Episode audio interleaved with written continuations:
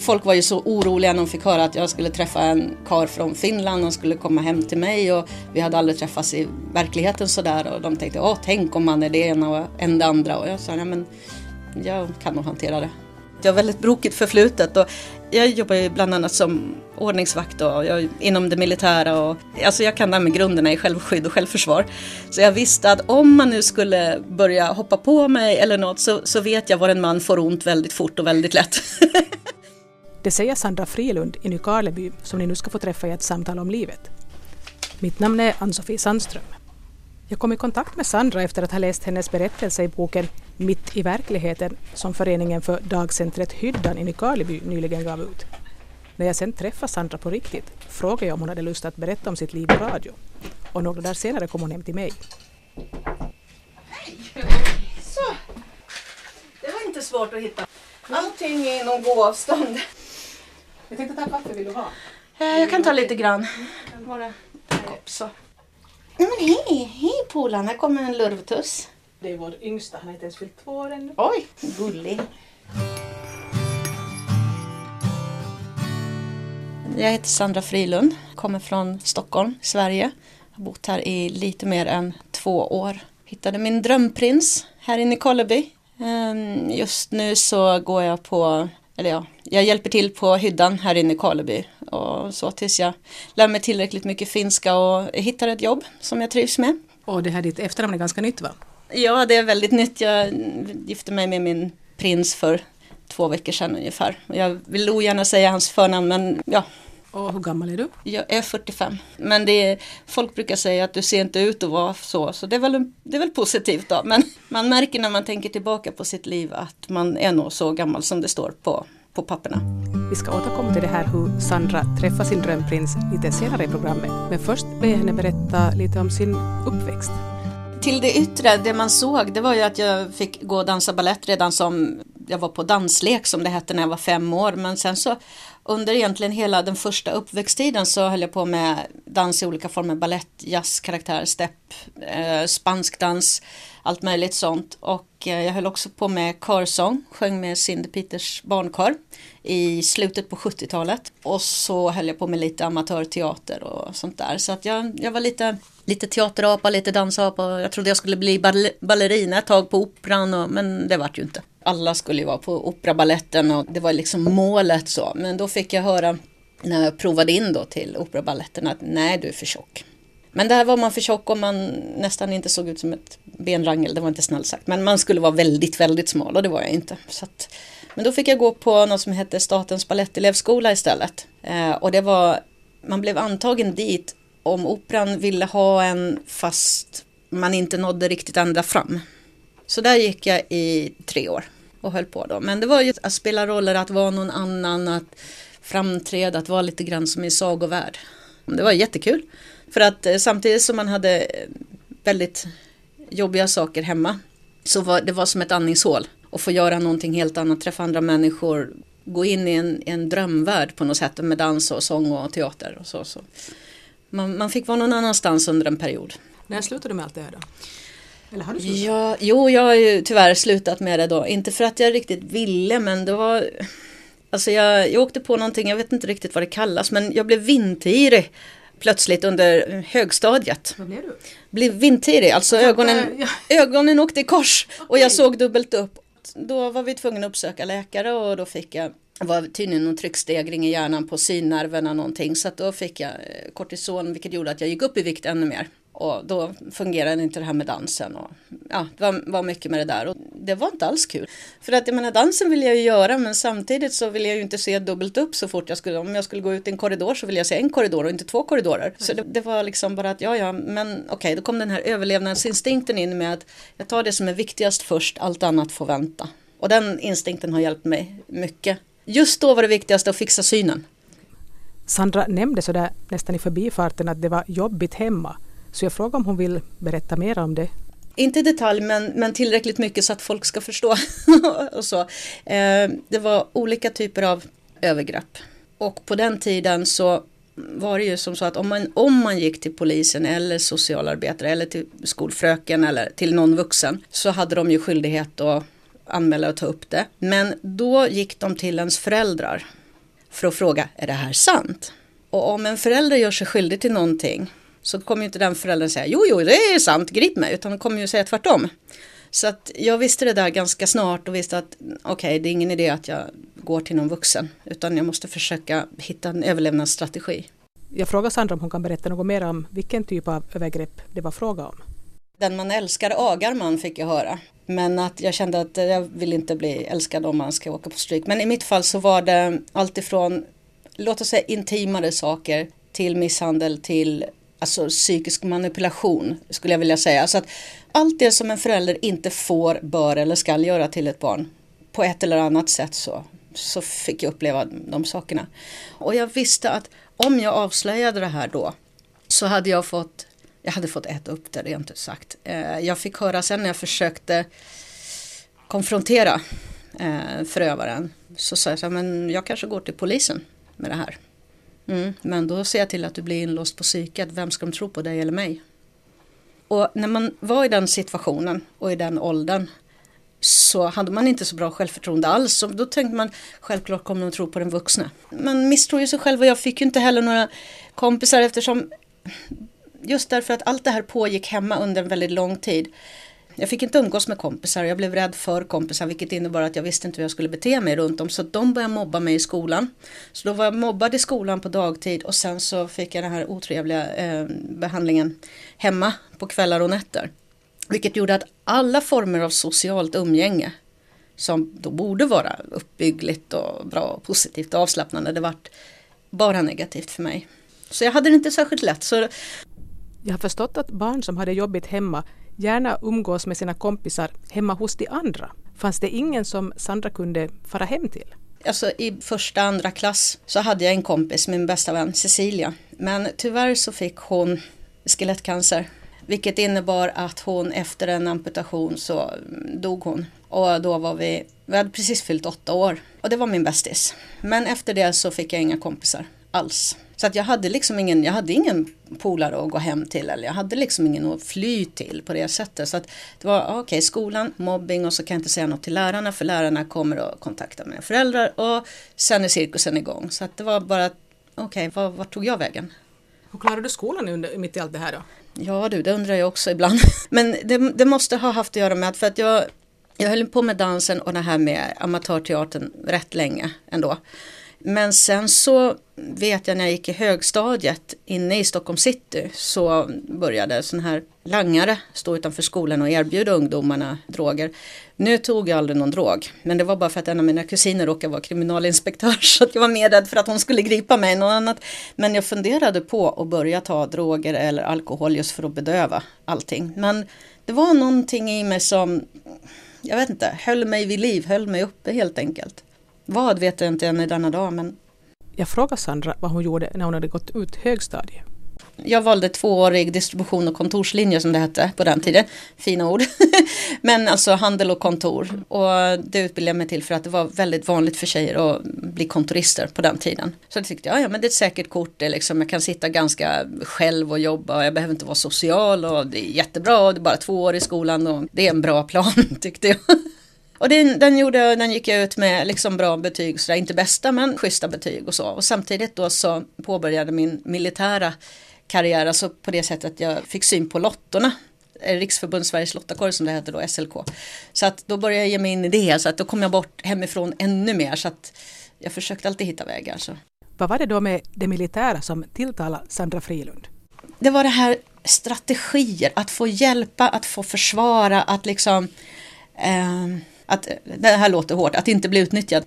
Man hade en uppgift, man fick väldigt eh, klara och tydliga besked, man fick utbildning.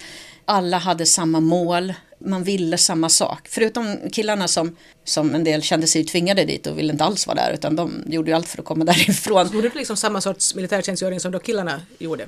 Ja, in, inte till först. Först var det lotterna och det var mm. frivilligt, det var bara tjejer. Men sen efter, jag tror det var tre år efter jag hade varit i lotterna eller lotterna tre år. Sen gjorde jag frivillig värnplikt som det hette på den tiden. För att då var det bara två, tre tjejer i Sverige som hade gjort värnplikten överhuvudtaget. Så det var jättekonstigt på den tiden. Men eh, då sökte jag för att få göra värnplikten. Då. Hur var det? det? Det var jättespännande och intressant och man lärde sig om sig själv och var ens gränser går och som, som tjej för det första var mina kvinnliga gränser går för att vi var tre tjejer i hela pluton som var ganska stor och vi fick göra allting tillsammans med killarna som det killarna skulle göra det skulle vi göra det var inte frågan om att om vi var tvungna att byta om i skogen eller någonting då var det inte att ha ett eget litet omklädningsrum eller någonting utan då var det ju bara att var man pryd så fick man lägga bort det. Man blev skitig och man blev man kunde inte duscha varje dag riktigt och, och sådär utan men man levde samma soldatliv som killarna och man lärde sig mycket och jag är tacksam för det idag. Det har räddat mig många gånger i det civila. Fortsatte Sandra inom det militära också efter värnplikten? Eh, ja, inte som, inte som soldat då, då för att jag, jag muckade eller avslutade min militärtjänstgöring som sergeant. Men jag fortsatte som civilanställd inom försvaret, som kontorist då. Som du också var? Som jag också var. Så att jag försökte hålla mig med näbbar och klor kvar inom genren. Men sen plötsligt skulle hela Sverige spara. Försvaret skulle spara och det skulle bantas och det skulle vara det ena med det fjärde. Så helt plötsligt så kunde man inte behålla tjänsten då. Många blev uppsagda och ut, vad heter det, outsourced. Så då var det till att söka sig annat jobb. Och då tänkte jag, okej, okay, vad kan jag? Jo, jag kan självförsvar och lite militärt och jag kan teknik och sen kan jag kontor. Två ytterligheter. vad ska jag göra med de två ytterligheterna? Hur ska jag få ihop dem liksom? Och, men då kom jag på att jo, jo, men det finns ju väktare och ordningsvakter och det finns ju flygplatskontrollanter och skyddsvakter. Så att då försökte jag söka mig till, till det och använda mina militära erfarenheter i en civil situation om man säger. Det jobbar jag inom i, i några år, både som ordningsvakt och skyddsvakt och vanlig väktare och flygplatskontrollant. Men när du, under alla de här åren du gjorde sådana här saker, då, hur levde du annars då? Bodde du ensam någonstans i en lägenhet eller hade du någon du bodde med eller hur, hur levde du? Jag, jag levde ensam i en lägenhet och jag försökte att var, aktivera mig så mycket som möjligt därför att så fort jag kom hem ensam i lägenheten så kom de här traumorna från övergrepp och mobbing och alltihopa. Alla de här osäkerhetskänslorna kom fram när jag var, när jag var hemma ensam och tog av mig uniformen. Då, då kom det här att okej, okay, då kommer lill, lilla Sandra som jag brukar prata om. Kommer hon fram och Jaha, vad ska jag göra nu? Vad är det här? Det var så tydligt att man var ensam. Så även om man hade mycket arbetskompisar så var det på arbetet. Det var inte hemma, privatlivet, gå ut på bio eller något utan det var väldigt de militära hörs till det militära och ordningsvaktspolarna de, de är på jobbet och man pratar balett med dansöser och så det var inte det här att jaha men vad ska jag, vem ska nu gå ut och fika med då? Så jag var ju hemma och funderade mycket på hur, hur jag skulle försöka hitta kompisar helt enkelt. Och det kan ju låta dumt sådär, det är ju ingen sak. Men i och med att jag hade blivit mobbad i skolan, inte fått umgås med kompisar. Jag visste faktiskt inte hur man gjorde. Alltså umgås med kollegor i en arbetssituation, det var en sak. Och prata arbetsrelaterade saker, det, det var en pryl. Men försöka hitta liksom privata kompisar, det var bara jaha, hur gör man nu då? Jag frågade Sandra hurdan kontakt hon hade med föräldrarna sen när hon bodde för sig själv.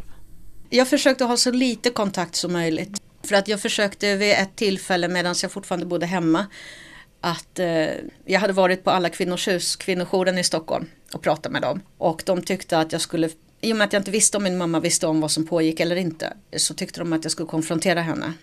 Så när jag kom hem så styrkt av de här kvinnorna på alla kvinnors hus så jo sagt och gjort, jag konfronterade henne och förklarade vad som har hänt.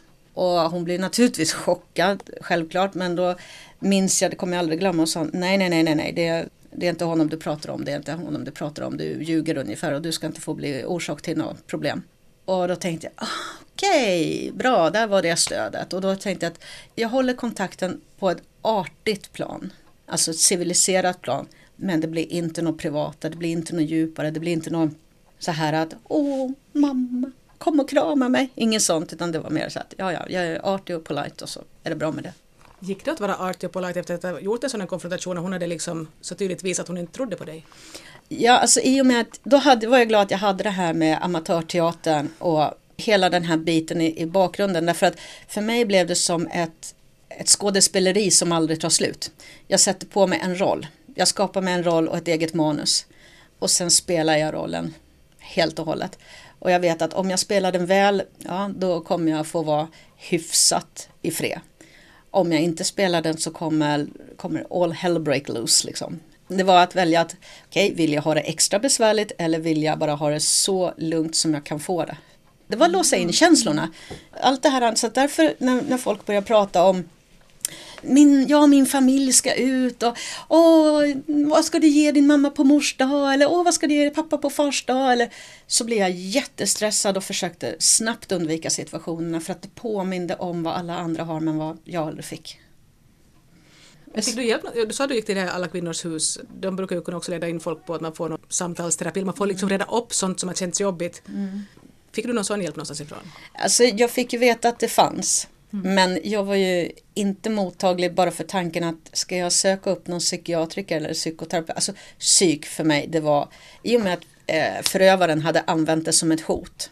De tror inte på dig, jag kommer låsa in dig på psyk när jag var liten. Så allting som hade med psykologer, psykiatriker, terapi, sjukhus, vårdinrättningar, det var, det var likställt med negativt hot. Sen, alltså efter åren som har gått så har jag ju förstått att okej, okay, det där stämde ju inte heller, som så mycket annat. Eh, så jag har sökt mig själv till öppenvård.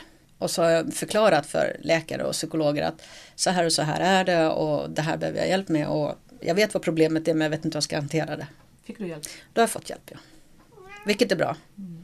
Mjau. Till Sandra Frilunds militärkarriär hör också ett par utlandstjänster. Mm. Jag har varit i Bosnien och i Kosovo. Eh, I Bosnien var jag 1996 med utlandstjänsten under NATO-flagg. Och i Kosovo var jag 2003 också under NATO-flagg. I Bosnien så hade jag en fin titel som hette ställföreträdande radiogruppchef i sambandsplutonen. Det hörde lite grann ihop med min befattning när jag gjorde lumpen och värnplikten i Sverige. Så att jag hjälpte till att se till att eh, förbandet hade bra radiokontakt och telefon och allt sånt där. Och var det så att det inte funkar plötsligt, ja då fick man ta på sig utrustningen och ta med sig sina medsoldater och gå ut och försöka hitta problemet då. Och fixa till så att alla kunde prata med varandra. Och sen i Kosovo så var jag stabsassistent som det heter. Då satt jag på, på kontor ungefär som på högkvarteret och höll på med kommunikation och alla, all möjlig elektronisk kommunikation som finns inom försvaret. Var det sånt som du trivdes med att göra? Mm, det var jättekul. Det var jättekul. För det var en utmaning. Man behövde verkligen teknisk kompetens.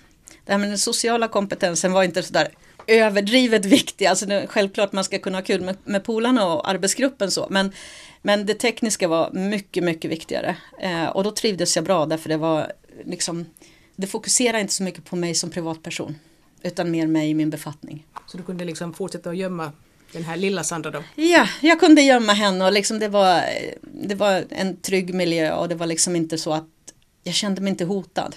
Så jag brukar säga det när jag hade varit i Bosnien innan jag for till Kosovo så undrade folk, men hur vågar du fara till ett krigsområde? Du kan ju bli skjuten och oj, du kan ju gå på minor och det kan hända en det ena med det andra. Men jag sa det att jag aldrig känt mig så säker som när jag var i ett krigsområde. För där vet man precis vad det är. Man har utrustning, man vet vad kollegorna gör och inte gör. Går jag på T-centralen hemma så har jag ingen aning om om någon kommer sticka en kniv i ryggen på mig eller inte. Så ja, och samma sak med i Kosovo. Så att det var, man kände sig trygg mitt i kaoset. På något sätt. Och sen kom jag tillbaka till, till verkligheten, till den civila verkligheten och det var ju en utmaning det också. Men då var jag ju tvungen i och med att eh, man har inte lagt ner försvaret men man har bantat det rejält. Så då var jag tillbaka till den här civila världen och kontorsvärlden. Och flygplatskontrollant har jag ju jobbat som eh, på Bromma flygplats efter Kosovo efter min senaste utlandstjänst. Och då får jag ha den här halvmilitära, halvbevakning men ändå i civil tappning. Så, så länge jag fick sköta säkerhetskontrollen där så gick det jättebra. Men eh, när folk ville att man skulle gå ut och man skulle umgås privat så tyckte jag att nej, nu vart det läskigt, varför ska de hålla på? Fullständigt osocial. men, men det gick alltså, det med. Det var det här igen, amatör, amatörteatern. Alltså jag har mycket hjälp från den där tiden när jag gick och spela teater. Man sätter på sig olika roller. Man har, uniformen blev som en roll för mig. Då gick man ut på scenen i en viss roll, en viss befattning. Så du tycks ha varit mycket medveten om att du hade olika roller och du tog på dig rollerna i form av uniform till och med och mm. sen visste du att det var inte det som var hela sanningen. Ja, nej, men precis och, och det ledde ju då in mig till min andliga erfarenhet av livet. Jag, jag kände en inre uppmaning när jag mådde som sämst att eh, kolla upp katolska kyrkan.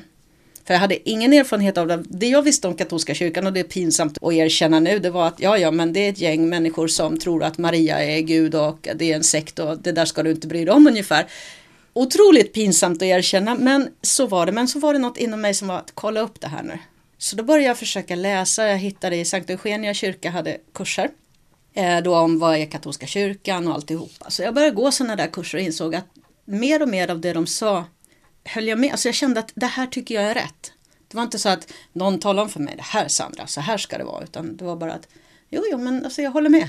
Så att då kom jag in på en andlig väg som var i stor kontrast till det här militära och väkteriet och flygplatskontrollant och krigszoner och ballett och teater och hej och hå. Men det behövde jag då. Där behövde jag inte spela någon roll. Där behövde jag inte gå ut på scenen och ta fram ett specifikt manus och läsa och spela någon roll. Utan där fick jag lov att vara känslosandra. Och där kunde jag liksom säga till Gud att okej, okay, det här tycker jag. Det här är jag arg för. Men jag fick reda på att jag får, jag får vara arg på han. Och jag kunde liksom säga till Maria, behandla henne som den mor jag hade haft innan då. Att, ja men okej okay, Maria, nu är jag ledsen, nu får du faktiskt krama mig. Även om det inte var fysisk kram så var det en, en andlig mental kram. Så det var en liten sorts bearbetning på något sätt. Så då behövde jag inte spela teater. Då kom jag ur det här rollspeleriet. I vilken ålder var du då när det här hände? Det här med det andliga, det var mm, första gången tror jag 96 och då måste jag ha varit 29. Och jag liksom tog reda på mer och mer och mer. Men sen så konverterade jag inte förrän 99 då så. Så att jag lät det ta tid och jag ifrågasatte mycket och jag köpte inte bara vad prästerna sa rakt av så utan jag tyckte att ja men vad har du fått det här ifrån? Hur kan du säga så här? Och det var mycket diskussioner fram och tillbaka men och visst jag, jag köper inte allting till 100% men jag köper det till 99,99%. Och hur inverkar allt det här då på Sandras liv? Jag, jag, fick mer struktur i mitt, i mitt eget privatliv därför att jag började eh, känna att jag faktiskt ärligt kunde be. Allt ifrån vanliga Fader vår till trosbekännelsen eller, eller ben, klassiska katolska Maria-bönerna. Man tillber ju inte Maria på det sättet som, som många tror. Utan man, det är ungefär som man går till mamma och ber om hjälp. Och jag fick kontakt med ett kloster i Sverige också så jag fick lite andligt stöd därifrån. Och, så det, det var positivt. Det började bygga upp mitt självförtroende. Jag frågar Sandra om hon alltså menar att hon gick i kloster? Ja, jag, var, jag provade på som jag brukar säga för folk tror att nej men gud, asch vad skymning, var du nunna också? Hur går det här ihop med din militära bakgrund? Men jag provade på så att jag var inte vigd nunna eller liksom hade hela klosterdräkten på mig utan jag var där på en prövotid på fyra och en halv månader bodde och levde med dem och, och, gjorde samma saker som dem och så. Men det var inga, inget löfte, inget liksom så. Hade du tänkt att du skulle se om du skulle vilja bli nunna eller var det bara menar, du, du är ju inte nunna nu för du har just gift dig men i alla fall. ja, nej, alltså just då så, så var nog tanken på att jag, vill, jag ville nog bli nunna men jag visste ju tillräckligt, alltså jag visste inte tillräckligt mycket om det. Jag ville prova på och i och med att det inte var något tvång åt något håll så kände jag att men okej, okay, jag kan testa det här och se. Och det här var en bra tid faktiskt i mitt liv, de här fyra och en halv månaderna. För att som en, en av systrarna sa, där nunnorna sa, man konfronteras med sig själv i klostret. Man kan inte springa och gömma sig eller ta på sig en roll eller någonting. Utan det är ungefär som att se sig själv i spegeln och bara okej, okay, det här är jag. Tycker jag om den jag är eller vill jag ändra på något? Så att det var lite terapeutiskt samtidigt. Jag har fortfarande kontakt med nunnorna idag. Men du valde att inte stanna? Jag valde att inte stanna för det blev eh, i och med då att jag hade levt eh, dansa på scen och du vet, teater och utlandstjänster och hej och hå. Allting. Jag hade blivit så beroende av media och informationssamhället. Så att jag behövde veta vad som pågick hela tiden. Och i klostret så fick man ju inte så mycket. Typ, vi fick inte läsa tidningar eller höra radio eller se på tv eller liksom träffa folk utifrån eller så. Utan det var ett väldigt strikt kontemplativt kloster. och då visste man verkligen inte vad som pågick. Jag trodde inte att jag hade det behovet innan, men jag upptäckte det när, när jag var så avskuren från det. Så märkte jag att jag har ett behov av att veta vad som pågår ute i världen. För det var lite grann om min försvarsstrategi. Om jag vet vad som pågår då kan jag lägga upp ett försvar utifall att någon gör något elakt. Och där var jag försvarslös. I och för sig så man behövde inte försvaras i klostret men i alla fall. Men, men jag uppskattar min tid i klostret. Ja. Vill du ha kaffe? Eh, nej, jag dricker upp mitt tempererade kaffe. Kan vi gå hit in? Oj, du sträcker dig. Vad vill du nu? Ja. Ja, det var Oj, två stycken, herregud. Ja, oj. Nu är det bara en du inte sett. Oj. Finns det fyra? Det finns fyra. Hej Polan. Ja, nu vill de ha käk.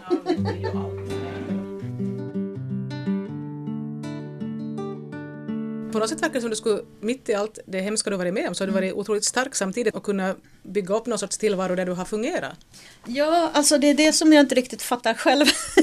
hur det här har gått till. För att jag tänker nu att jag måste ha haft min skyddsängel, måste ha jobbat övertid mest hela tiden. Eller kanske var de flera, jag vet inte. För att någonstans har jag haft den här överlevnadsinstinkten att Alltså det var lätt för mig att bara hoppa framför tåget i tunnelbanan som så många gjorde. Det var jättelätt, för jag åkte tunnelbana varje dag. Och, och det hade varit ett busenkelt sätt att avsluta mina lidanden på. Men någonting fick mig alltid att liksom inte lyckas med dylika planer. Alltså jag brukade ha en ful ovana att stå extremt nära kanten när tunnelbanetågen kom. Alltså att det bara var någon centimeter från kanten eller så. Så att innan man såg tåget komma ut från tunneln så hörde man det i spåren.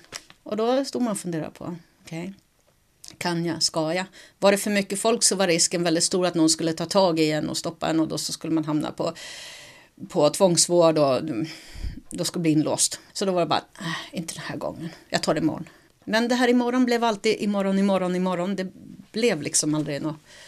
Så viljan att leva var ändå starkare? Liksom. Ja, någonstans i slutändan så var det det som tog över handen. Så att, och det är jag glad för idag. Men var det här när du var i tonåren eller var det senare också? Det har varit både i tonåren och senare. Men inte sen jag träffade min man. Och nu, nu tänker jag att jo, jo, men det är min skyddsängel. Det är, varför annars? Liksom? Varför skulle jag vara här annars? Det finns något kvar jag ska göra. Och det är klart att om jag hade hoppat framför tåget då, på, då hade jag inte träffat min nuvarande make. Och då hade jag inte hamnat här. Så att, ja, kom i kontakt med hyddan och, och alltihopa. Så det fanns väl en plan då. Men vad och varför och alltihopa, det vete gudarna hur det här gick till. Men på vilket sätt kom då Sandra Frilund i kontakt med den man som hon nyligen har gift sig med? För han bodde i Nykarleby och hon bodde i Stockholm. Och jag jobbade på ett eh, stort internationellt företag mitt i Stockholm city i reception och växel och där träffade jag på en av mina kollegor som råkar komma från Korsholm. Och hon älskar att läsa och skriva texter så hon hittade en väldigt speciell blogg som min nuvarande make då skrev på den tiden. Och hon verkade vara så fascinerad över den här bloggen och jag blev ju nyfiken på vad det var hon läste hela tiden så jag började läsa den. Det som var så bra med honom är att han skrev rakt ur hjärtat. Oavsett om det var bra dagar eller mindre bra dagar så skrev han precis vad han tyckte och tänkte om saker och organisationer och personer och ibland var det trevligt och uppbyggligt och ibland var det inte fullt så trevligt. Men det visar vem han var. Han var ärlig och det var något som jag sökte efter. Och du hade ingen aning om var han befann sig, liksom, i vilken del av världen han satt och bloggade? Nej, inte till en början, men sen så frågade jag min kollega då när han började berätta om Nykarleby, eller Nykapi som mm. han sa och skrev om. Så frågade jag henne, men hörde du, var ligger den här stan, byn? Och sa ja, det är nog ingen stad som vi tänker stad i Stockholm, liksom storstad så, utan det är nog en liten. Men då visade hon mig via Google Maps då vad Nykarleby var. Så jag tyckte att det är en gullig liten by, stad. Det var år 2007 som Sandra började läsa den här bloggen och först någon gång 2008 tog hon kontakt med den här personen. Jag skickade ett mejl för han hade skrivit sin eh, mejladress då under bloggrubriken och då tänkte jag att nej, nu måste jag bara skicka ett kort hej-meddelande så. Så då skrev jag hej, jag heter Sandra, jag följer din blogg och jag tycker du verkar vara en fantastisk person så jag ville bara presentera mig. Och sen så tänkte jag nej jag kommer inte få något svar från honom. Han kommer ju tycka att jag är världens knäppaste en brud från Sverige som liksom skriver. Men eh, han svarade och det var riktigt härligt. Och då skickade jag med ett foto för jag tänkte nu han ska få reda på på en gång hur jag ser ut och så han kan välja om han vill fortsätta kontakten eller inte. Jag hade så dåligt självförtroende så jag tänkte att nej men jag gör smärtan kort om han inte vill behålla kontakten istället för att bygga upp någonting och sen ett halvår senare så bara, nej hörru. Men det lyckades. Han blev inte bortskrämd av mig och det var jättebra. Sen efter ett tag då så började vi chatta via MSN-chatt. Det var faktiskt väldigt bra att vi hade den där MSN-kontakten för att vi lärde känna varandra. Man kunde inte bara sitta och prata om skitsaker, oviktigheter, utan till slut när man hade avklarat de första artighetsfraserna, då var man ju tvungen att gå in på det personliga. Så att vi lärde känna varandra ganska snabbt på det sättet låt oss säga att om vi hade träffats på ett café eller restaurang eller motsvarande som väl folk ofta gör. Då hade nog han suttit och stirrat ner i bordet och rullat sina cigaretter och jag hade nog suttit och helt hysteriskt småskrattat och pratat militärt och så hade det inte blivit något av det alls. vi har sluppit det här lite ansträngda, besvärliga stadiet utan vi har liksom kunnat prata om jobbigheter från början på ett lugnt sätt för oss. Jag visste ju att det här, wow, det här är en superintressant person. Den här vill jag lära känna. Jag vill liksom inte låta han slip through my fingers som man säger utan jag ville bara verkligen hålla tag i honom för han var fullständigt fascinerande. Men sen framåt jul då hade vi chattat ganska mycket. Så kände jag att, aha, jag undrar vad han ska göra till julen. För jag vet att jag kommer sitta ensam i Täby. Det var jag och en ensam julgran och tvn. Jag tänkte, jag undrar vad han ska göra. Om han kommer sitta ensam. Så jag tänkte, jag skickade ett meddelande till honom då. Så nej, jo han kunde komma över. Jag bjöd över honom till Sverige, till Sverige helt enkelt. Och då kom han över. Och då kände vi när vi träffades här att wow, det här funkar. Det här blir jättebra. Och folk var ju så oroliga när de fick höra att jag skulle träffa en, en kar från Finland och skulle komma hem till mig och vi hade aldrig träffats i verkligheten sådär och de tänkte, åh tänk om man är det ena och en det andra och jag sa, ja men jag kan nog hantera det. Jag kan det här med grunderna i självskydd och självförsvar. Så jag visste att om man nu skulle börja hoppa på mig eller något så, så vet jag var en man får ont väldigt fort och väldigt lätt. Tydligen behöver du inte alls ta till sådana metoder. Nej, nej, nej, nej, nej. Han, han är den perfekta gentlemannen. Alltså, jag har aldrig träffat på någonsin, tror jag, en kille som har varit så gentlemannamässig som, som han. För det var verkligen artig och inte påtvingande och erbjöd sig att liksom laga mat och göra kaffe och inte alls det här att ja nu ska vi gå till sängen och så utan artig. Är du förälskad då? Jo, men det, det var jag nog. Men då var det liksom så här, åh, jag vill inte bli av med honom. Hoppas han vill ha mig kvar. men det vågade jag inte säga riktigt, utan jag tänkte, nej, skräm inte bort honom nu, skräm inte bort honom. Utan. Men eh, jag tror nog att han hade nog fastnat lite för mig då också. Hur länge höll ni på sen och träffades sådär att ni bodde i skilda länder? Ett år ganska precis var det. Så att det var under hela 2009, jag kom hit i december 2009. Så den julen firade du här? Den julen firade jag här, precis. Så det, och, och det kändes bara så rätt. Och sen har jag fått reda på i efterhand att han tänkte att nej men gud tänk om hon vill att jag ska flytta till Sverige. Och jag tänkte att nej men jag vill flytta till Nykarleby i Finland ju. För just att det inte är den här storstadsstressen, den här tunnelbanehysterin och alla människor som springer fram och tillbaka åt alla olika håll. Utan det är lugnt och sansat då. Och det behövde jag. Och sen bestämde ni för att gifta er också? Ja. Vi tog väl förlovningen först då för att i och med att vi båda har eh, jobbigt förflutet låt oss säga så, så ville vi inte riktigt, vi ville inte börja med frieri. För det hade, om han hade börjat med att fria, det första som hände, så hade jag nog blivit rädd och nervös. Och då är risken stor att vi hade blivit så spända så det hade blivit konstigt. Så vi började med förlovning. Och sen när vi visste att jo, jo, men det här funkar, inga konstigheter, då bestämde vi nu ska vi gifta oss. Vi har levt i en liten, liten, liten etta under ett år och vi brukar säga så här att klarar man det så då klarar man det utan att få storspel på varann. Då går det bra. Har någon av er varit gift tidigare? Nej, nej. Jag har levt singelliv och han har levt singelliv.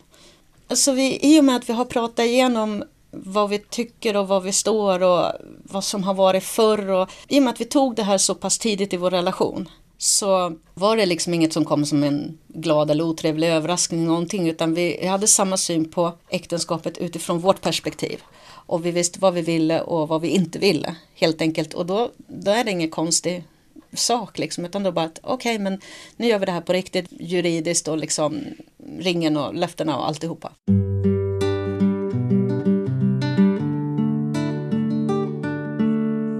I den här boken Mitt i verkligheten som jag nämnde tidigare och där Sandra har skrivit en text så har också hennes man skrivit och berättat om hur mycket han drack tidigare. Och vad jag förstått så var det också sånt han skrev om i sin blogg. Men i det skedet när, du, när ni träffades, drack han då fortfarande eller hade han slutat med det då? Nej, då hade han slutat med det. Ja. Det hade han. Men det var ju liksom inga hemligheter att, eh, alltså jag visste ju att en person som nyligen har slutat dricka, eller nyligen, men kanske något år eller sådär.